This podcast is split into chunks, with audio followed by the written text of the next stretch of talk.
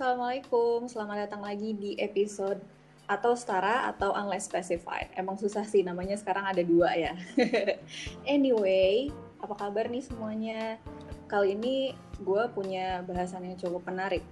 Pernah bayangin gak sih lo kalau misalnya di Jakarta ini, khususnya ya di Jabodetabek, ada lahan terbuka luas milik privat di tengah kota yang bisa diakses cuma orang-orang tertentu pula. Kebayang nggak sih kalau misalnya lahan-lahan itu sebenarnya bisa digunakan untuk kebutuhan yang lebih luas, seperti lahan terbuka hijau atau mungkin pemukiman-pemukiman yang layak tapi tetap terjangkau oleh kelas-kelas menengah. Kabar baiknya hari ini gue nggak sendirian, gue bakal dibantu sama salah satu temen gue namanya Jaladri. Hai Jal. Hai, mungkin belum udah belum pada kenal aku Jaladri. Aku saat ini tinggal di Bandung. Kalau misalkan pada tahu aku siapa, mungkin bisa baca tulisanku di kolektif Agora. Kalau misalkan belum pakai kolektif Agora, wah parah banget sih. Mungkin bisa follow Instagramnya dulu di kolektif Agora. Itu perlu cerita nggak sih soal kolektif Agora atau boleh, kita boleh. langsung aja? Wah, mungkin buat yang belum tahu ya kalau kolektif Agora itu uh, semacam kolektif literasi perkotaan. Jadi mungkin dari teman-teman pengen banyak update info tentang arsitektur atau misalnya tentang kota dan hal-hal sekitar tentang ruang dan bagaimana apa yang terjadi di kota itu bisa langsung cek aja di Instagramnya Kolektif Agora. Kolektif Agora juga banyak menulis di artikel dan sering ada diskusi juga mungkin bisa langsung dicek aja biar lebih jelasnya ada apa aja sih di situ. Oke, menarik banget. Jadi nanti bisa dicek ya, ada di Medium sama di Instagram Yo, berarti ya. Oke, jadi ini tuh bahasannya awalnya dari instastorynya Jaladri nih. Jadi uh, pada suatu hari, c pada suatu hari, satu ha satu hari karena kita follow-followan di Instagram, Adri nih update instastory tentang lapangan golf. Yang menarik adalah sebenarnya di Jakarta ini banyak lapangan golf yang menimbulkan pertanyaan. Pertanyaannya gimana tuh, Dri? Jadi kan waktu itu gue lagi sebenarnya awalnya lihat ini sih, lihat TikTok di sosial media. Terus kayak dia kan lihat lapangan golf tuh. Terus kayak, ya gue kayak penasaran aja sih kayak itu lapangan golf tuh sebenarnya itu sesuatu hal yang unik karena dia tuh nggak bisa diakses oleh banyak orang gitu karena ya, uh, itu adalah olahraga yang mahal. Kayak masuknya aja kayak orang buat bisa uh, main di sana tuh kayak langganannya tuh yang di Senayan kalau nggak salah tuh kayak 40 juta setahun gitu. Kayak ada membernya. Jadi tuh kayak nggak bayar per bulan gitu membernya. Dan terus uh, dia uh, lahan seluas itu kan kayak nggak murah juga kan. Kayak tanamannya harus dirawat dan segala macam dan itu uh, yang bikin si kalau nggak salah tuh gue baca bahwa kayak biaya per tahunnya tuh sekitar uh, eh, 2 juta dolar tuh berarti berapa tuh? Sekitar dua puluh lima juta rupiah. Ah, enggak enggak aku lupa lagi pokoknya sekitar sekitar segitu uh, berapa puluh juta dolar gitu tahun itu yang buat lapangan golf ukuran 18 holes 8 lubang yang standar. Dan itu bikin gue bertanya-tanya sih kayak katanya kan soalnya kan sering bahas juga soal tata ruang kan katanya kota Jakarta tuh udah padat gak ada so, hmm. sulit untuk orang punya rumah di tengah kota beli properti orang-orang akhirnya kan pada melebar ke Bekasi lain-lain sekitar Jakarta karena katanya udah nggak ada lahan tapi ternyata pas gue cek nih di Google Maps itu Jakarta tuh banyak banget cuy kalau lapangan golf tuh bahkan ada beberapa yang kayak di pusat kota dan memang banyak di tempat-tempat yang strategis. Itu kayak menginikan pertanyaan bahwa kayak sebenarnya bukan ruangan yang nggak ada tapi kitanya yang nggak bisa ngakses ke sana nggak sih? Itu kayak bikin gue kayak anjir mind blowing iya, setelah instastory lo itu sebenarnya gue juga nyari juga sih di Google Maps ternyata kalau misalnya di Jakarta sendiri belum Jabodetabek itu ada sekitar 12 sampai 20 lapangan golf yang minimal satu lapangannya itu ada 9 holes. Kalau gue lihat di ada satu pedoman untuk apa ya? Kayak pedoman untuk lapangan apa lapangan olahraga ada di situ tapi yang ngeluarin si UK di UK itu kalau misalnya mau bikin lapangan golf minimal lo butuh lahan sekitar 12 hektar. Nah itu 12 hektar tuh sekitar buat 9 holes aja. Padahal kalau misalnya di Jakarta tuh yang tadi Jaladri bilang nggak nggak ada yang 9 hole sih. Di atas 9 hole semua. Kebayang nggak yeah. sih betapa luasnya itu rata-rata 18 bahkan ada yang ini apa uh, yang 32 holes tuh di Padang Golf Halim. Itu 36 kalau nggak salah. Bayangin kalau misalkan kayak satu hmm. Padang Golf 18 holes itu bisa kira-kira ya tadi kan berapa? 1,2 hektar bisa sekitar 600 iya lebih. Bisa sampai 600 rumah gitu di situ. Nah, kalau yang 36 volt itu bisa kayak 1200 rumah gitu. Ini tuh kayak wah luas banget nih sih. Dan orang-orang pada kesusahan iya. punya rumah dan kayak harus berdepet-depetan di kampung kota atau misalkan uh, cari apartemen yang tentu nggak semua orang bisa afford gitu. Iya, toh kalau misalnya kalau gue sendiri sih sebenarnya secara pribadi gue agak-agak keberatan sih kalau misalnya harus harus uh, mengamini kalau misalnya lo harus tinggal bertumpuk kayak bertump tinggal bertumpuk tuh sebuah solusi menurut gue enggak sih. Karena emang beberapa lahannya aja yang nggak rata kalau menurut gue pribadi sih gitu. Terus ini sih satu artik ada beberapa artikel jadi sebelum kita apa uh, mutusin untuk bikin podcast kita tukar artikel dulu. Soalnya ada kalau gue sih Vice baru-baru ini ada dia ngeluncurin artikel gitu tentang golf tapi bukan permasalahan lahannya sih dia lebih ke masalah orang bukan masalah lebih meng-highlight gimana uh, distribusi dan bisnisnya di dalam lapangan golf itu jadi yang gue temuin adalah bedanya lapangan golf di Indonesia sama di luar negeri adalah kalau di luar negeri itu lahannya itu milik pemerintah kebanyakan. Sedangkan kalau di Indonesia sendiri, sebenarnya pemilik lahan dan pengelolanya sendiri itu uh, pribadi. Jadi uh, peruntukan lahannya peruntukan lahan bisnis. Jadi sebenarnya ada ada celah yang gede banget kalau kita bisa me, apa ya men, menyentuh atau me,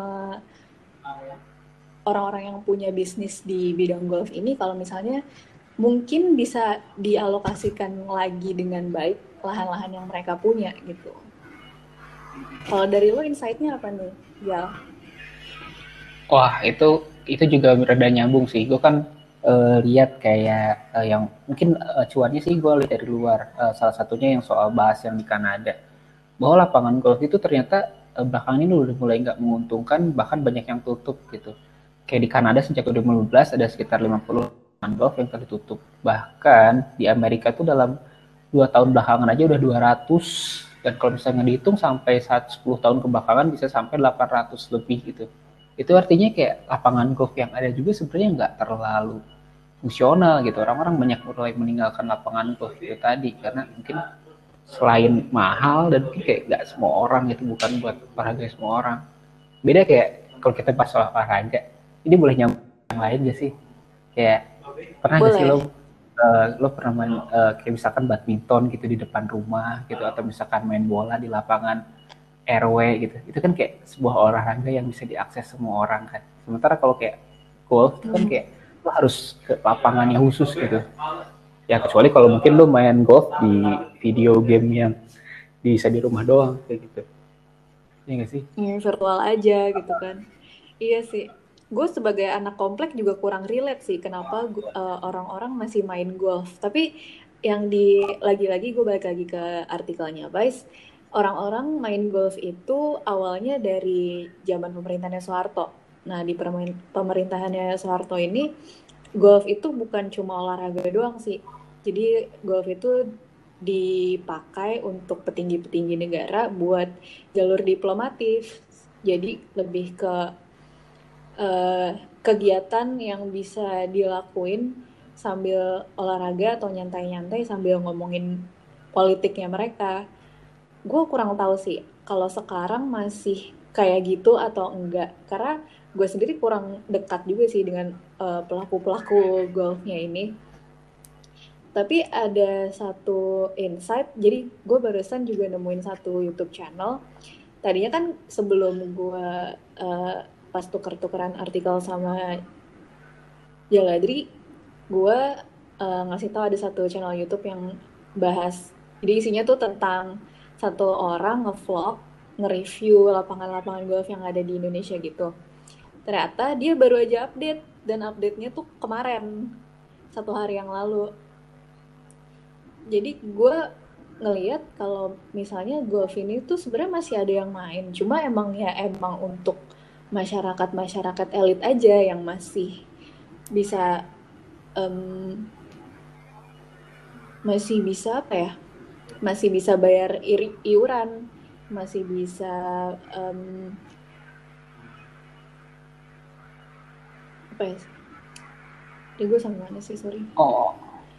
Ya masih dia masih bisa diakses oleh orang-orang yang ya emang itu itu aja gitu ini ada yang menarik sih soal lapangan golf. Ini gue sempat tanya juga sama teman gue yang uh, suka main golf. Uh, bahwa hmm. itu memang kenapa si golf itu adalah urusannya sama uh, si orang-orang elit itu bahwa kayak orang kenapa milih lapangan golf itu adalah tempat private yang gak kelihatan private gitu.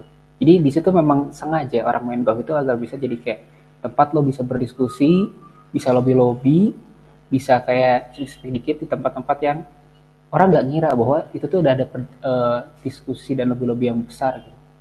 Beda kalau misalkan kayak lo nongkrong di coffee shop atau misalkan tempat publik yang lainnya kayak pasti bakal kelihatan, wah ini siapa sih pejabat lagi ngobrolin ini atau mungkin bahkan di rumah juga kayak hmm. ini kenapa rumah ini ada ada deal-dealan apa sebenarnya tapi beda ketika lo datang di lapangan golf oh ya mereka cuma mau olahraga aja gitu tapi karena tadi itu bukan lapangan golf itu nggak kayak tempat olahraga yang umum gitu yang semua orang bisa tahu ke sana. Karena keterbatasan cuma beberapa orang yang bisa akses bikin itu orang nggak terlalu kelihatan gitu bahwa ada beberapa orang penting yang bertemu di sana gitu. Itu menarik juga sih. Itu baru gue tahu kayak orangnya langsung. Jadi boleh gue simpulin gak sih kalau misalnya uh, ketimpangan lahan ini tuh diakibatkan oleh kepentingan-kepentingan elit. Kok gue jadi nyalahin gitu sih? Ya mungkin itu bukan cuma lapangan golf aja sih kalau itu. Tapi seenggaknya itu hal yang menarik bahwa fungsi lapangan golf itu sebenarnya yang pertama tuh bukan olahraganya. Tapi ya itu, itu ada sebagai tempat lebih-lebih secara private buat para pejabat atau para pebisnis gitu. Ya mungkin nggak salah juga sih, tapi kayak ya menarik aja sih karena soalnya kayak kadang ada pertanyaan kalau lobby lobby doang kenapa kayak harus di lapangan tuh sih? Kenapa nggak di uh, coffee shop gitu atau di perpustakaan gitu ya? Ternyata kayak gitu, gitu. Iya sih itu juga jadi pertanyaan gue. Terus ada yang menarik juga sih. Kalau misalnya uh, kita tahu sih kalau misalnya olahraga golf itu nggak mahal karena bukan cuma peralatannya doang yang mahal tapi sebenarnya ada iurannya. Jadi kalau misalnya lo mau jadi anak golf mau jadi golfer lo harus bayar iuran juga jadi masuk klub golf gitu yang biayanya itu puluhan juta per tahun ada iuran per bulannya lagi makanya emang hmm. nggak hmm. semua orang bisa main golf tapi yang menarik adalah uh, misalnya lo lihat di artikel Vice-nya ini, jadi artikel Vice-nya ini juga gaji yang ada di dalam bisnis golf ini juga sebenarnya cukup rendah sih, rendah banget. Terus juga di disebutin kalau misalnya um, banyak orang yang nggak nggak pengen nggak pengen kerja di tempat di lapangan golf karena emang gajinya kecil jadi orang-orang itu aja yang kerja pada akhirnya terus gue juga jadi pertanyaan sih kenapa yang main yang ada di klub ini harus bayar mahal sementara pekerja-pekerja di dalamnya itu uh, pada akhirnya digajinya dikit juga gitu. Apakah uh, apakah um, iuran ini kemakan biaya maintenance kah dari fasilitas-fasilitas golfnya itu? Karena yang gue tahu kalau misalnya di landscaping golf itu kan nggak nggak sembarangan ya. Misalnya lu yang gue tahu rumput lapangan golf itu cukup khusus sih dan kayaknya sih ada ada grade-nya sendiri kalau untuk lapangan golf si rumputnya itu. Ya gue rasa itu sih. Uh, mungkin gue nggak nggak langsung terjun di bisnis golf dan gue nggak tahu apa apa juga soal itu. Tapi kayak menurut perhitungan kasar kayak kenapa sih gajinya kecil barangkali dengan iuran yang sebesar itu bahkan belum terlalu mengcover mengcover si kebutuhan lapangan golf itu gitu kayak katakanlah dia kan butuh maintenance si lapangannya butuh kayak vegetasinya belum kayak bayar hmm. pegawainya belum kayak untuk kebutuhan peralatan kayak bagi gitu sih mobil yang di golf terus kayak bensin segala macam hmm. itu kayak gue gak kebayang gitu banyaknya kayak gimana belum itu kan karena golf itu termasuk bisnis ya tempat olahraga itu ya ada hmm. pajak juga gitu dan memang banyak kos hmm. yang di situ gitu loh tapi berarti dengan biaya yang begitu besar dengan di press di ini itu sampai kayak uh, gaji pegawainya nggak terlalu besar untuk mengurangi kos ternyata golf itu masih cukup mahal gitu bahkan kayak lebih mahal dari harga yang dibayarkan sekarang gitu jadi kalau bayangin gitu kalau misalkan dia harus bayar full kesejahteraan pegawainya katakanlah berarti harga asli untuk memaintain sebuah lapangan golf itu jauh lebih besar dari harganya yang sekarang gitu. Itu kayak luar biasa banget berapa uang yang besar di lapangan golf. Wow.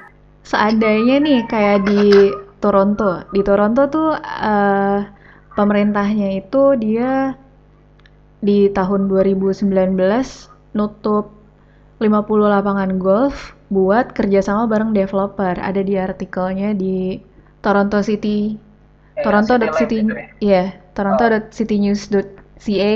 Jadi dia um, lapang pengelola lapangan golfnya ini kerjasama sama pemerintah sama developer perumahan juga jadi karena mereka bisnisnya udah mulai turun pemerintahnya ini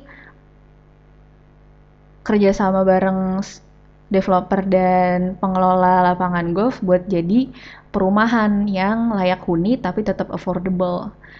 Kalau gue sih, kalau misalnya bisa kayak gitu ya, pengen banget sih seandainya.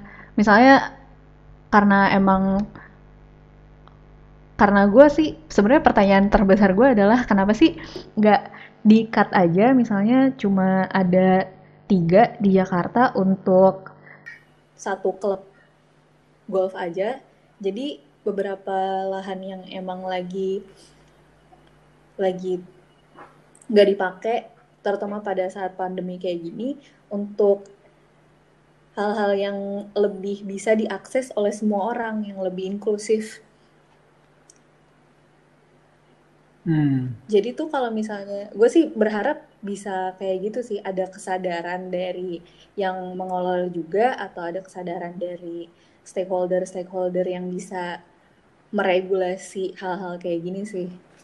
Kalau misalkan kesadaran dari masyarakat sih mungkin permasalahannya sama kayak masalah kota yang lain ya, kayak kenapa sih di kota itu sarana pejalan kakinya kurang atau transportasinya publiknya kurang? Itu kan sebenarnya orang bisa kayak meminta gitu ke balai kota atau misalkan ada sistem-sistemnya. Kalau di kota lain yang lebih matang kayak dewan masyarakatnya. Nah itu harusnya bisa digalakin juga sih di sini. Cuman karena di sini kayak banyak hal yang masih kurang dan jauh dari kesejahteraan kota kayak jangankan untuk request buat gimana sih kalau lapangan golf kita alih fungsikan aja. Bahkan kayak hal-hal yang fundamental gitu kayak rumah sakit atau transportasi pun masih sulit gitu. Jadi mungkin uh, kayaknya belum ke sana sih. Oh kalau misalkan perubahan tempat mungkin kita bisa lihat contoh gitu kayak di negara Eropa orang udah mulai menghentikan penggunaan jalan raya gitu kan kayak selama ini orang menggunakan mobil dan kayak berapapun jalan yang dikasih untuk mobil, kita tetap, tepat akan tetap tempat akan tetap macet gitu karena si mobil akan terus memenuhi ruang. Makanya kayak si jalan-jalan itu mulai dihentikan aksesnya mobil dan mulai dialihfungsikan kayak uh, tempat duduk untuk kafe dan orang berjalan kaki. Dan itu tuh sudah mulai dilakukan. Mungkin kayak baru di negara-negara yang udah aware tentang itu kayak Kanada dan dan Prancis kalau nggak salah. Sementara kalau misalkan kita kayak, jangankan untuk golf gitu ya, hal-hal yang mungkin uh, jauh di jangkauan orang-orang biasa, tapi kan kayak jalan raya yang sehari-hari aja masih belum matang. Jadi memang kalau misalkan kalau dari kita nunggu inisiasi dari pejabat kan tergantung ke kebutuhan mereka gitu. Kayak kenapa sih hmm. pejabat gak mau ngalih fungsiin golf gitu? Mungkin saat ini mereka belum rugi gitu. Mereka merasa bahwa dengan adanya golf itu masih menguntungkan. Kayak dengan kenapa sih ada banyak banyak tempat golf? Jadi mungkin itu kayak aku nggak tahu sih. Kayak misalkan uh, konstelasi tempatnya mungkin bisa kayak mungkin tempatnya kayak misalkan ada beberapa beberapa pejabat di tempat golf A, terus pejabat lain di tempat golf B gitu. Mungkin nanti kayak bakal sulit ketika mereka harus bertemu di tempat golf yang sama gitu. Dan kita bisa mengganggu proses lobby-lobby juga. Itu asumsiku aja sih. Aku nggak tahu juga bahwa seperti apa yang sebenarnya terjadi di sana. Iya bisa jadi sih karena karena kepentingan politiknya juga beda jadi kayak mungkin ad, mungkin mereka butuh tempat yang beda juga untuk lobby-lobby topik yang berbeda juga. Mungkin makanya masih jadi lebih banyak tempat golf dan klub-klub golf yang buka dengan circle yang beda gitu kali. Itu asumsi aja sih ya. Itu asumsi aja sih memang sulit sih untuk untuk ke sana tapi uh, memang untuk perubahan tempat uh, space yang bisa lebih baik untuk masyarakat banyak bukan cuman si dari orang yang di atasnya untuk melakukan kebijakan secara top down tapi si masyarakat juga masih perlu kesadaran ke sana. Dan memang mungkin kayak untuk pengetahuan dan literasi ke sana memang masih perlu kita lakukan kalau ya agar bisa orang sadar bahwa ternyata banyak tempat yang bisa kita akses dan gunakan gitu tanpa kita harus jauh-jauh untuk mencari tempat yang lebih mahal dan lebih sulit gitu atau lebih jauh gitu. Hmm. Ya karena kan selama ini kan mungkin orang-orang yang uh, harus uh, tinggal di pinggir-pinggir Jakarta kayak Bekasi, Depok, Tangerang, tapi mereka kerjanya di Jakarta, mungkin mikirnya selama ini uh, menyalahkannya tuh kayak tempat-tempat komersil kayak mall yang suka dikeluhin banyak makan energi, banyak makan uh, konsumsi air, apa terus waste-nya terlalu banyak. Tapi selama ini juga ada nggak cuma itu aja sih yang yang yang bisa dijadiin alternatif sebenarnya apa aja sih yang yang yang bisa di yang bisa diregulasi ulang Salah satunya kayaknya sih lapangan golf ini. Hmm, mungkin nanti setelah lapangan golf sudah mulai merugikan mereka kali ya. Nggak tahu juga sih uh, selama trennya masih bagus, orang-orang masih pakai, ya mungkin si lapangan golf itu masih akan tetap ada gitu. Gue kebayangnya gini sih, uh, lapangan golf itu kan milik pribadi dan digunakan sebagai bisnis. Uh, hal yang hmm. paling dekat untuk membuat mereka mengalih fungsikan ya melihat itu sebagai tempat yang lebih menguntungkan gitu. katakanlah uh, perumahan sewa gitu atau mungkin mall yang baru. Kayak itu sih yang paling dekat untuk mengubah lapangan golf walaupun sebenarnya akan lebih baik untuk masyarakat itu kan kayak vegetasi hijau gitu diubah menjadi taman kota dan penyerapan air. Yang sayangnya di satu sisi agak menyulitkan untuk membuat eh, orang-orang uh, yang memiliki lapangan golf itu pindah karena taman kota atau misalkan tempat berubah hijau tidak begitu banyak menguntungkan secara ekonomi gitu. Beda dengan lapangan golf. Ya udah terbuka hijau, ada tanaman, bisa ada sewanya juga gitu.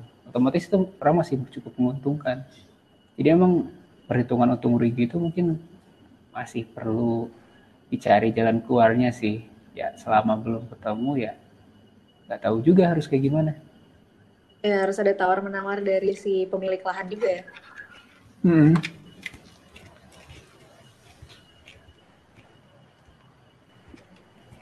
tapi seandainya nih kalau misalnya Jakarta tiba-tiba uh, kayak di Toronto kayak ya udah ditutup aja deh yang yang sementara tutup. Soalnya kalau misalnya dari gua survei yang waktu itu di Google Maps 50% lapangan golf itu tuh temporary close. Mereka tutup selama pandemi ini. Terus kalau misalnya tiba-tiba Anis ngasih kebijakan kayak udah lapangan golf dialokasikan aja dibeli sama pemerintah. Enaknya dibikin apa ya Jal? Enaknya dibikin taman sih kalau pengen. Banyak ke taman ternyata kalau misalkan kita menghitung-hitungan kayak ada istilahnya tuh ecological finance gitu kayak uh, bahwa si taman itu sebenarnya menguntungkan karena dia bisa menyerap karbon dan kayak misalkan bisa memberi uh, agregat udara yang lebih sejuk dan lain sebagainya.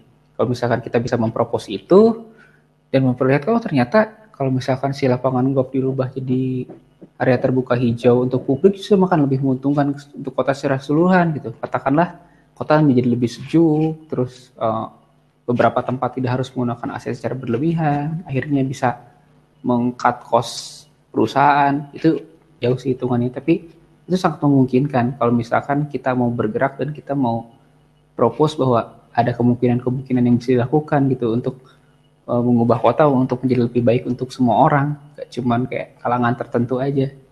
Ya gak sih? Iya betul.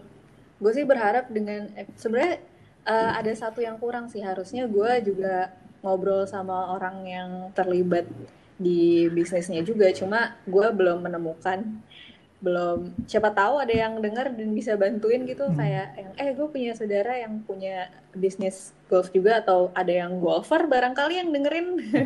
Bisa bantuin gue buat ngasih insight. Siapa tahu ya. Iya barangkali ada karena kita kan nggak terjun langsung di situ. Kalau misalkan kayak orangnya ada yang tahu langsung di sana oh ternyata sebenarnya seperti ini situasinya atau ternyata mereka justru dengan senang hati oh ya udah pakai aja lapangan golfnya buat taman kota gitu itu lebih menguntungkan lagi. Masih menghayal nice. Enak ya sore-sore menghayal. Menyenangkan. Mumpung masih gratis nggak bayar iya, lapangan golf oke terima kasih banyak Jal. Oke sama-sama. Oke, mungkin segitu aja obrolan dari kita. Semoga apa yang kita obrolin bermanfaat dan semoga ada uh, solusi juga ya untuk apa yang kita obrolin hari ini.